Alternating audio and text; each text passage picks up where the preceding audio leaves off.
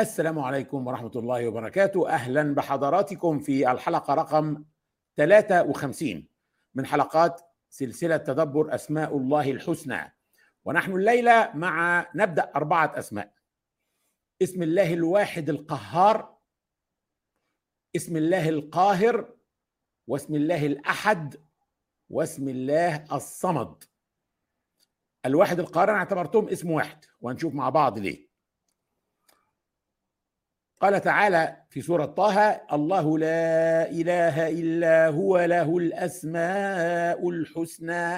إذا الله سبحانه وتعالى له أسماء حسنى إيه اللي المفروض إحنا نعمله بهذه الأسماء قال في الأعراف ولله الأسماء الحسنى فادعوه بها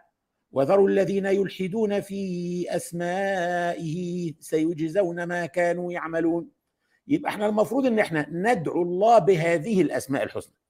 وفهمنا ان ندعو الله بهذه الاسماء مش معناها اقول يا تواب تب عليا يا رحمن ارحمني لا نفهم مقتضياتها ونفهم ما اعده الله لنا فنطلبه من الله كده احنا دعوناه بها طيب وطبعا اللي ما شافش حلقات المقدمه لازم يرجع يشوف حلقات المقدمه اللي فيها تاسيس للاسلوب بتاعنا في تدبر الاسماء الحسنى وقال صلى الله عليه وسلم إن لله تسعة وتسعين اسما مئة إلا واحدة من أحصاها دخل الجنة وقلنا أحصاها أكيد مش معناها عدها أي واحد يعد الأسماء الحسنى يخش الجنة أو يعد 99 اسم يخش الجنة أو هيحفظ 99 اسم خلاص يخش الجنة أي واحد حافظ أغنية هشام عباس يخش الجنة لا معناها أحصاها يعني فهم معانيها وانفعل من معها فاصبحت هذه الاسماء تغير منه احنا النهارده جايين علشان هذه الاسماء تغير منا اسماء الواحد القهار والقاهر والاحد والصمد احنا عايزين الاسماء دي تغير منا طيب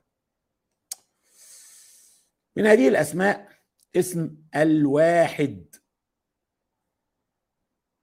الواحد في اللغه هو مفتتح الاعداد يعني بنقول واحد اثنين ثلاثه اربعه اول عدد يعني بعد الصفر يعني لا نقول احد اثنين ثلاثه اربعه واحد من اسماء الله الواحد واحد هو مفتتح الاعداد اذا هو لفظ يدل على الواحديه من حيث العدد اقول مثلا هذا آه، قلم واحد هذه مثلا ساعه اهي ماشي انا معايا ساعه ثانيه غير هذه ساعة واحدة واحد يعني واحد من حيث العدد ده مش معناه انها الساعة الوحيدة ما هو في ساعة تانية هي معايا اذا واحد يدل على الواحدة من حيث العدد قال تعالى في سورة النحل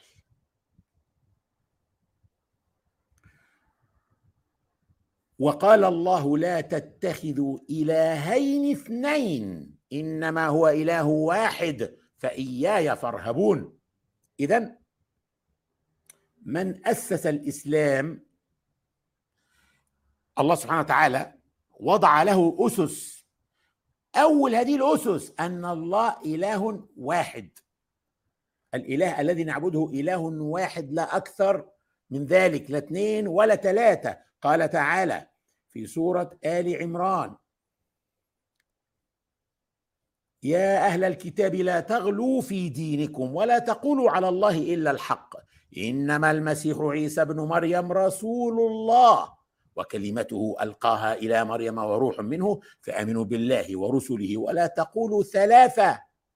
انتهوا خيرا لكم انما الله اله واحد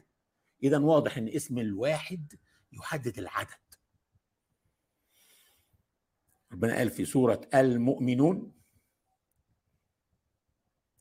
ما اتخذ الله من ولد وما كان معه من اله اذا لذهب كل اله بما خلق ولا على بعضهم على بعض سبحان الله عما يصفون القران بيخاطب العقل هنا بقى في مساله التوحيد انه لا يمكن يكون في اكثر من اله لا يمكن غير مقبول عقلا لو في اكثر من اله ممكن يحدث خلاف وصراع على القوه والسلطه وينتهي الامر بان كل اله يستقل بالخلق بتاعه صحيح وممكن ما يحصلش صراع ممكن ما يحصلش صراع لكن صفه الواحديه هي ان الله اله واحد ولا اله الا هو هذه عاده تذكر في سياق القدره لو تلاحظوا يعني تبصوا على الايات اللي بتتكلم عن الواحديه تتكلم عن قدره الله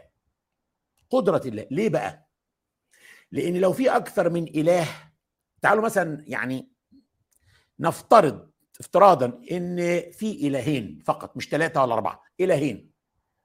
لو في الهين ده معناه ان عمل الاله عمل الله هيتم تقسيمه بين الالهين ده يرزق وده يهدي وده يحفظ وده يجيب الدعاء في الحاله دي اما ان هذا الوضع بسبب ان ما فيش واحد منهم يستطيع القيام بالعمل كله وفي في هذه الحاله يبقى ولا واحد منهم ينفع يبقى الله لان الاله لابد ان يكون كلي القدره omnipotent يعني يعني على كل شيء قدير فلو لو الشغل متقسم بين الالهين لان ولا واحد فيهم يقدر يعمل الشغل كله يبقى ولا واحد فيهم ينفع اله اصلا طيب نفترض ان واحد منهم على كل شيء قدير وادى شويه شغل للتاني بس واحد منهم فعلا كل القدره يبقى الثاني ملوش لازمه ما ينفعش يبقى في اله ملوش لازمه يعني ايه يعني لازم الاله يكون في إح... لا... لا استغناء عنه الخلق لا يستغنوا عن الاله لكن لو في اله يمكن الاستغناء عنه ما يبقاش اله فمش ممكن ان الاله يكون اكتر من واحد لو اكتر من واحد يا اما الاثنين مش قادرين يبقى ما ينفعوش اله يا اما واحد منهم قادر على كله والتاني ما يقدرش على كله يبقى او او يبقى ملوش لازمه ما ينفعش يبقى اله ملوش لازمه انتهى الامر خلاص اذا كون الاله واحد يبقى لازم يكون حي ده يستلزم يكون حي قدير قيوم سميع عليم وقلنا قيوم هي دي معنى كلمه لا استغناء عنه قيوم هو يعني يقوم على أم امور خلقه يبقى لا استغناء عنه ما ينفعش نستغنى عنه طيب. يبقى الواحد بيدل على كل الصفات دي ايضا انه واحد قوي قدير حي قيوم سميع عليم تمام لكن وصف الواحد لا يدل على عدم المثليه مثليه يعني ان في مثله قلنا اهو دي ساعه واحده بس في ساعات تانية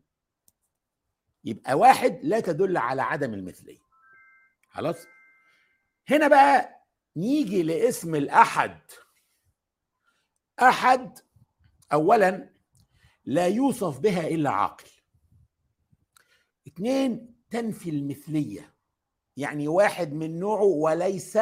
فقط واحد في العدد يعني ما فيش منه الا واحد الا احد احد الا واحد بس آه يعني احد معناها واحد في الذات وفي المعنى ما فيش منه تاني وعادة تستخدم في النفي يعني ايه لو قلت البيت ليس فيه واحد يبقى ممكن يكون فيه اتنين او ثلاثة او اربعة لكن لو قلت البيت ليس فيه احد يبقى مفيش فيه حد خالص نهائي تنفي وجود اي حد جواه مثلا بصوا سيدنا لوط قال ايه في سوره الاعراف ولوطا اذ قال لقومه اتاتون الفاحشه ما سبقكم بها من احد من العالمين من احد يعني ولا واحد عمل كده قبلكم لكن لو كان قال ما سبقكم بها من واحد يبقى ممكن سبقهم كتير تمام بالتالي احد تنفي المثيل لذلك احنا ترجمناها ايه ترجمنا واحد الواحد اسم الواحد في ترجمه جسور ذا وان لكن الاحد ترجمناه ترجمه حلوه جدا ذا يونيكلي وان يونيكلي وان يعني واحد وليس مثله شيء يعني وحيد من نوعه تمام ربنا بيقول في سوره الجن وان المساجد لله فلا تدعوا مع الله احدا اطلاقا لكن لو قالوا لا تدعوا مع الله واحدا يوه ده هتبقى هيصه بقى احد وردت في سوره الاخلاص قل هو الله احد افتتحت بها سوره الاخلاص وسوره الاخلاص لا يوجد بها كلمه الاخلاص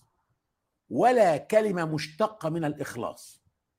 لكن معناها انها سورة خالصه عن موضوع واحد وهو التوحيد خالصه عن موضوع ده توحيد الله بكل جوانبه بقى قل هو الله احد احد يشمل معنى الواحد ويزيد عن معنى الواحد في انه واحد لا مثيل له ماشي ربنا قال ايه سوره الشورى ليس كمثله شيء الناس اللي نسيت التدبر بتاع سوره الشورى تروح تراجع سوره الشورى تاني اتكلمنا في المعنى ده واحنا بنتدبر سوره الشورى من سنتين لان مش معناها انه لا يوجد مثل الله وبس بالبساطه دي لا انا لو قلت ليس مثل احمد شيء يبقى ما فيش حد زي احمد دلوقتي ليس مثل احمد شيء لكن ممكن بكره يبقى فيه زي احمد واحسن منه كمان صح يتولد واحد زي احمد طيب لكن لو قلت اللي زي احمد ما فيش منه غير واحد او ما فيش زيه يعني اللي زي احمد ما فيش منه اتنين يبقى احمد ما ينفعش يبقى فيه منه الا واحد بس اللي هو احمد الله ليس مش ليس مثله شيء لا ليس كمثله شيء يعني اللي زي الله ملوش مثيل ما فيش اصلا زي الله يبقى لا يوجد مثل الله لا دلوقتي ولا في اي وقت ليس كمثله شيء اللي زيه ملوش زي ودي من اجمل الايات اللي ترجمناها في مؤسسه جسور اللي ترجمناها the like of him has nothing like him ليس كمثله شيء سورة الإخلاص خالصة زي ما قلنا في موضوع واحد وهو توحيد الله وهنتكلم فيها لما نتكلم عن اسم الصمد أنا أجل ده دلوقتي شوية قل هو الله أحد الله الصمد لم يلد ولم يولد ولم يكن له كفوا أحد خلينا في أحد شوية لا يوجد كفء لله إطلاقا ولم يكن له كفوا أحد ولا واحد يقدر يبقى كفء لله اي مكافئ لله سبحانه وتعالى قل هو الله احد ليس فقط من تعاليم الاسلام اللي نزلت في عهد النبي صلى الله عليه وسلم لا لا لا ده اساس العقيده من اول يوم على الارض احنا نؤمن بان كتب اليهود والنصارى تم التلاعب فيها والتحريف صحيح لكن ليس معنى ذلك ان كل ما في كتبهم محرف لا طب ازاي نعرف المحرف مما بقى على حاله ولم يحرف نعرض على القران ما وافق القرآن فهو سليم وما عارض القرآن فهو محرف وما لم يعارض ولا يوافق فالله أعلم به دليلنا على ذلك إيه؟ آية المائدة ربنا بيقول فيها للنبي عليه الصلاة والسلام وأنزلنا إليك الكتاب بالحق مصدقا لما بين يديه من الكتاب ومهيمنا عليه القرآن هو المهيمن الذي يحدد الصح والغلط احنا عندنا قل هو الله احد صح تمام وفي التوراه في ايه هنجد اسمع يا اسرائيل في سفر التثنيه اللي احد اسفار التوراه الخمسه اسمع يا اسرائيل الرب الهنا رب واحد وبصوا بالعبري واحد يعني ايه شمع يزرائيل ادوناي الهيمو ادوناي اخد اخد قل هو الله احد آه الله هو الواحد الاحد المتفرد بكل كمال الوحيد الكامل وكل مجد الوحيد اللي له المجد كله كل جلال كل جمال في اشياء جميله في اشياء جليله لكن مش كل الجلال ولا كل الجمال وله كل الحمد وكل الحكمه وكل الرحمه اي حكمه موجوده احنا سلفينها من ربنا اي رحمه موجوده عندنا احنا سلفينها من ربنا لكن هي بتاعته كلها ليس له مثيل وليس له نظير اي صفه من صفاته هو الواحد الاحد المتفرد بها كلها وقلنا قبل كده ان لا يمكن صفاتنا يعني انت ممكن تكون غفار لا يمكن تبقى غفار زي الغفار الغفار ربنا ليه انت ممكن تبقى غفار لانك تغفر كثيرا تبقى غفار اه صيغه مبالغه ماشي لكن ممكن تبقى غفور تغفر حاجات كبيره ماشي لكن لا يمكن مغفرتك تبقى زي مغفره ربنا هو الواحد الاحد في المغفره ليه قلنا قبل كده لو انت تخيل معايا التدبر لابد فيه من التخيل والتصور تخيل ان انت عندك شركه كل موظفيها بيخطئوا كلهم كل يوم وبيطلبوا انك تغفر لهم وبتغفر لهم انت غفار بقى حلو قوي عمال تغفر تغفر تغفر تغفر طول الوقت هل هتعمل كده وانت مبسوط ولا تتمنى انهم يبطلوا يخطئوا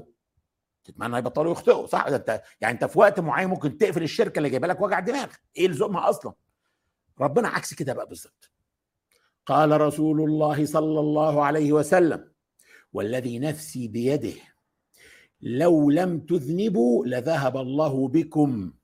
وجاء بقوم يذنبون فيستغفرون الله تعالى فيغفر لهم او فيغفر له اذا هو احد في صفاته هو الودود هو كل هذه الصفات اللي موجوده موجوده بعضها او موجود منها عند الانسان هي مختلفه في حق الله ربنا يحب انه يغفر انت بتغفر وتتمنى انك ما تغفرش عشان الناس تبطل اصلا بالتالي شوف مثلا ربنا منها الودود بالتالي لا يجوز ان انت تحب اي شيء او اي انسان اكثر من الله لا يجوز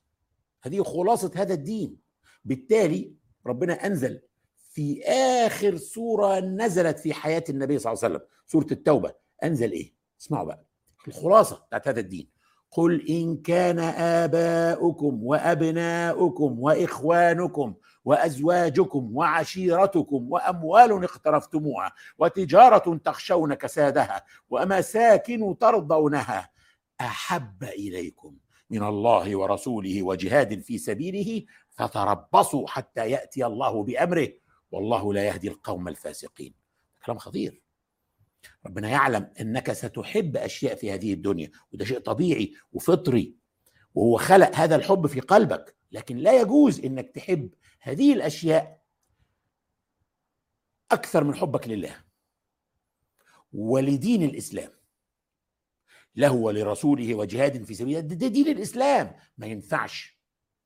سنه النبي عليه الصلاه والسلام نتعلم منها ونقتدي منها وذروة سنام العمل في الإسلام هو الجهاد لأن في تضحية بالنفس والمال ما ينفعش تحب حاجة أكتر من الجهاد للدرجة دي للدرجة دي فيجب أن يكون حبك لله ولدينه أكبر من حبك لأبوك وأمك وأولادك وزوجتك وفلوسك وأرضك ووطنك وعائلتك وبيتك وكل شيء الأحدية حتى في الحب حتى في الحب الحب شيء مهم جدا في الاسلام من الوصايا العشر بتاعت ربنا لسيدنا موسى ايه ان تحب الرب الهك بكل قلبك وكل عقلك وكل جوارحك يا اسمع كده دعاء النبي محمد عليه الصلاه والسلام اللهم اجعلنا نحبك بكل قلوبنا ونرضيك بكل اجسادنا اللهم اجعل حبنا كله لك كله لك وسعينا كله في مرضاتك الحب حب الله حب الاله لما نرجع لاسم الواحد نجد بقى شيء خطير جدا في المساله دي ان اسم الواحد ورد بالالف واللام احنا عارفين طبعا احنا انت فاكرين ال ال ال آه، بيت الشعر آه، اللي في ألفية ابن مالك اللي بيحدد ما يميز اللفظ يجعله اسم يعني إزاي أعرف إن اللفظ اسم قال لك بالجر والتنوين والندى وال ومسند للاسم تمييز حصل بيحصل التمييز للاسم اذا كان مجرور او منون او منادى نقول يا يبقى هنده على اسم مش ممكن هنده على فعل وال التعريف ويكون الاسم مسند اليه يعني ممكن يبقى مبتدا وله خبر او كده اسم الواحد ورد ست مرات معرف بال في القران الكريم آه كلها مقترنه مع اسم القهار شيء عجيب جدا طيب تعال نبحث على اسم القهار شوف جه كم مره وجدناه جه ايضا ست مرات كلها طبعا مع الواحد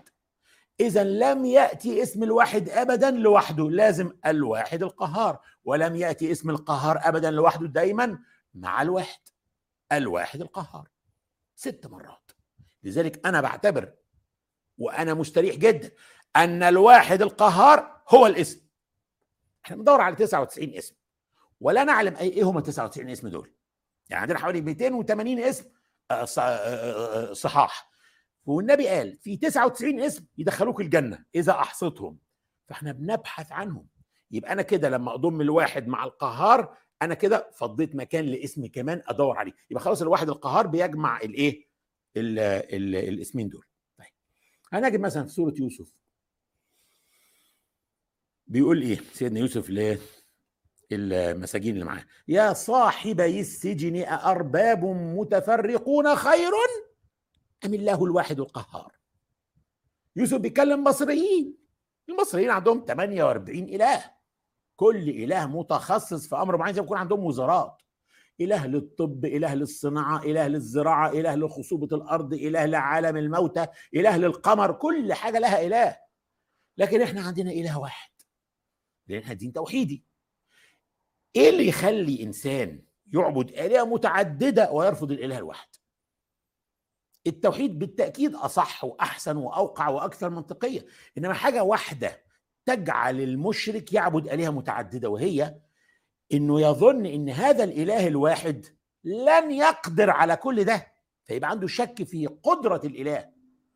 هل هو قوي ولا يبقى عندنا 48 اله احسن وكل اله واخد حته كده متخصص فيها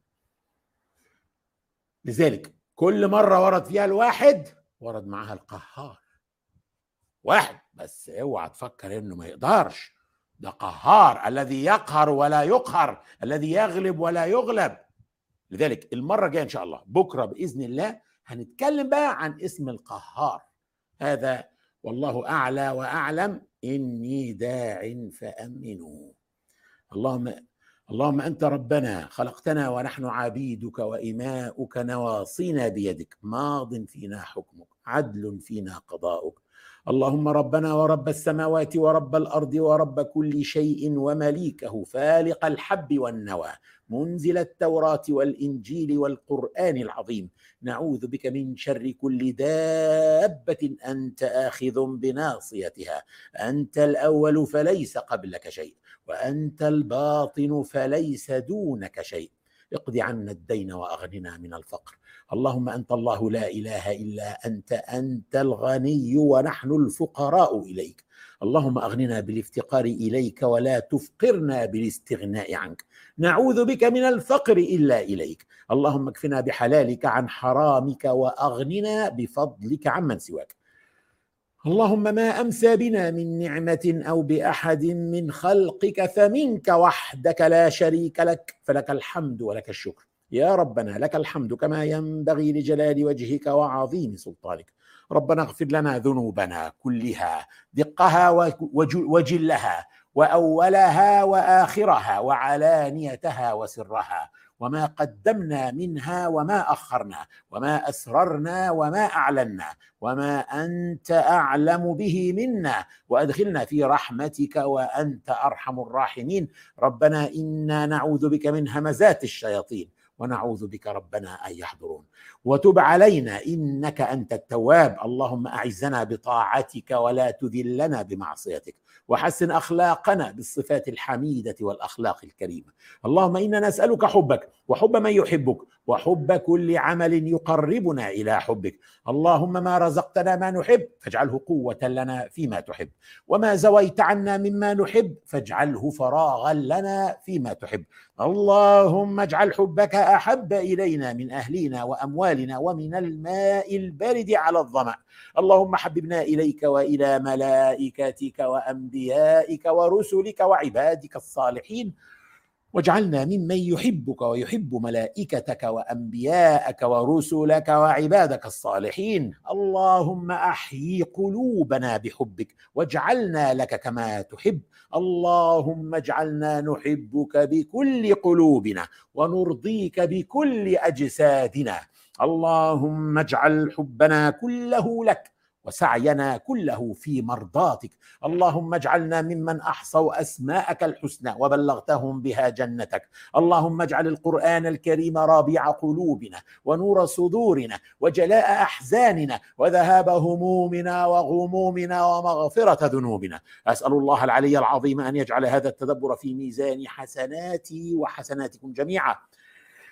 اللهم فاطر السماوات والارض عالم الغيب والشهاده انت تحكم بين عبادك فيما كانوا فيه يختلفون فبحق كل حرف في كتابك تلوناه او تدبرناه اكفنا واهلينا واخواننا واخواتنا شر كل من يكيد لنا ولهم واحفظنا واياهم من شرورهم ونجعلك اللهم في نحورهم فانت الوكيل ولا حول ولا قوه الا بك اللهم بحق كل حرف في كتابك تلوناه أو تدبرناه أيد بنصرك المرابطين في الأرض المباركة فلسطين يا حي يا قيوم برحمتك نستغيث اللهم سدد رميهم وخيب رمي عدوهم اللهم انك ان تنصرهم تنصر اولياءك على اعدائك وكن مع اخواننا في تركستان الشرقيه وفي الشام وفي كشمير وفي الهند وانصر من نصرهم واخذل من خذلهم وطهر المسجد الأقصى من الدنس فإنهم لا يعجزونك اللهم احفظ المسلمين من الزلازل والغرق والهدم والأمراض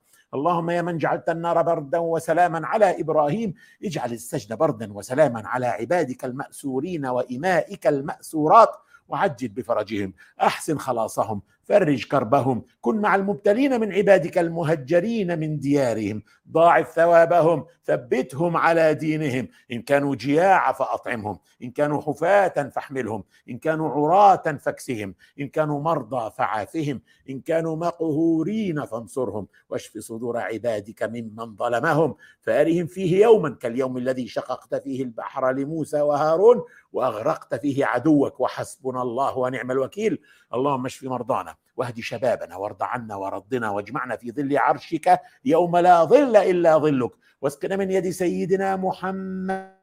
شربة هنيئة لا نظمأ بعدها أبدا ولا تحرمنا لذة النظر إلى نور وجهك الكريم اللهم إنك تعلم أن هذه القلوب قد اجتمعت على كتابك وعلى محبتك والتقت يا ربنا على طاعتك وتوحدت على دعوتك وتعاهدت على نصرة شريعتك فوثق اللهم رابطتها وأدم ودها واهدها سبلها واملأها بنورك الذي لا يخبو واشرح صدورها بفيض الإيمان بك وجميل التوكل عليك وأحيها يا ربنا بمعرفتك وامتها يا مولانا على الشهاده في سبيلك